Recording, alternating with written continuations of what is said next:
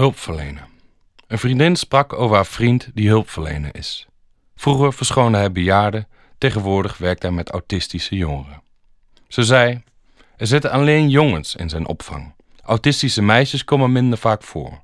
Vrouwen kopiëren veel eerder het gedrag van andere vrouwen.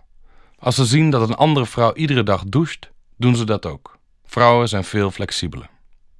Ik vroeg of dat kopieergedrag vrouwen ook gelukkig maakte. Geen idee, maar wel schoon. Ze zei dat haar vriend door het wassen van bejaarden een hekel had gekregen aan mensen die stinken of vies zijn. Wellicht had hij gewoon een hekel aan mensen gekregen, maar durfde hij dat haar niet te zeggen. De meeste jongens zijn bang voor water. Veel te veel prikkels. Helpt ook niet echt mee. De stank zat daar kennelijk hoog. Wellicht nam haar vriend er altijd een zweem van mee naar huis. Ze vertelde dat zijn cliënten aan het begin van de week een envelopje met weekgeld krijgen. Aan het eind van de week moeten ze het envelopje weer inleveren. Ze vertrok haar gezicht en zei: Aan hoe vuil de enveloppen zijn, schijn je de persoon te kunnen herkennen. Ik lachte en zij schudde ernstig haar hoofd. Later vertelde ze dat sommige van die jongens wel eens psychotisch worden. Als dat gebeurt, wordt er een busje gebeld. Maar, zei ze, een paar zijn zich zo bewust van de situatie dat ze doen alsof er niks aan de hand is als ze worden opgehaald. Ik vroeg: Is dat geen teken van gezondheid of genezing?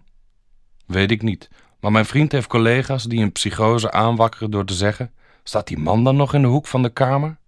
Nu begon zij te lachen en ik vroeg met overslaande stem: Dat kan toch niet? Misschien was ik te naïef.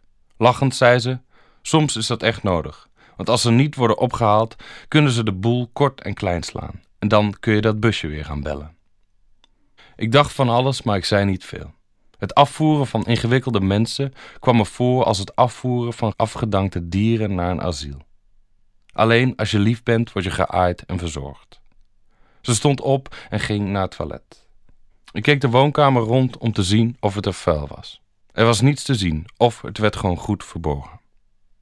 Om anderen zo min mogelijk lastig te vallen, is het verstandig om je te wassen, op te ruimen en andermans gedrag te kopiëren. Wat er van mensen overblijft als ze onzichtbaar zijn en naar zeep ruiken, is mijn raadsel. Toen ze terugkwam van het toilet, streek ze haar natte handen af aan haar broek en vroeg: Heb jij eigenlijk in je vruchtwater gepoept? Wat? Daar schijn je autistisch van te kunnen worden. Ik beloofde het mijn moeder te vragen en ging toen naar huis.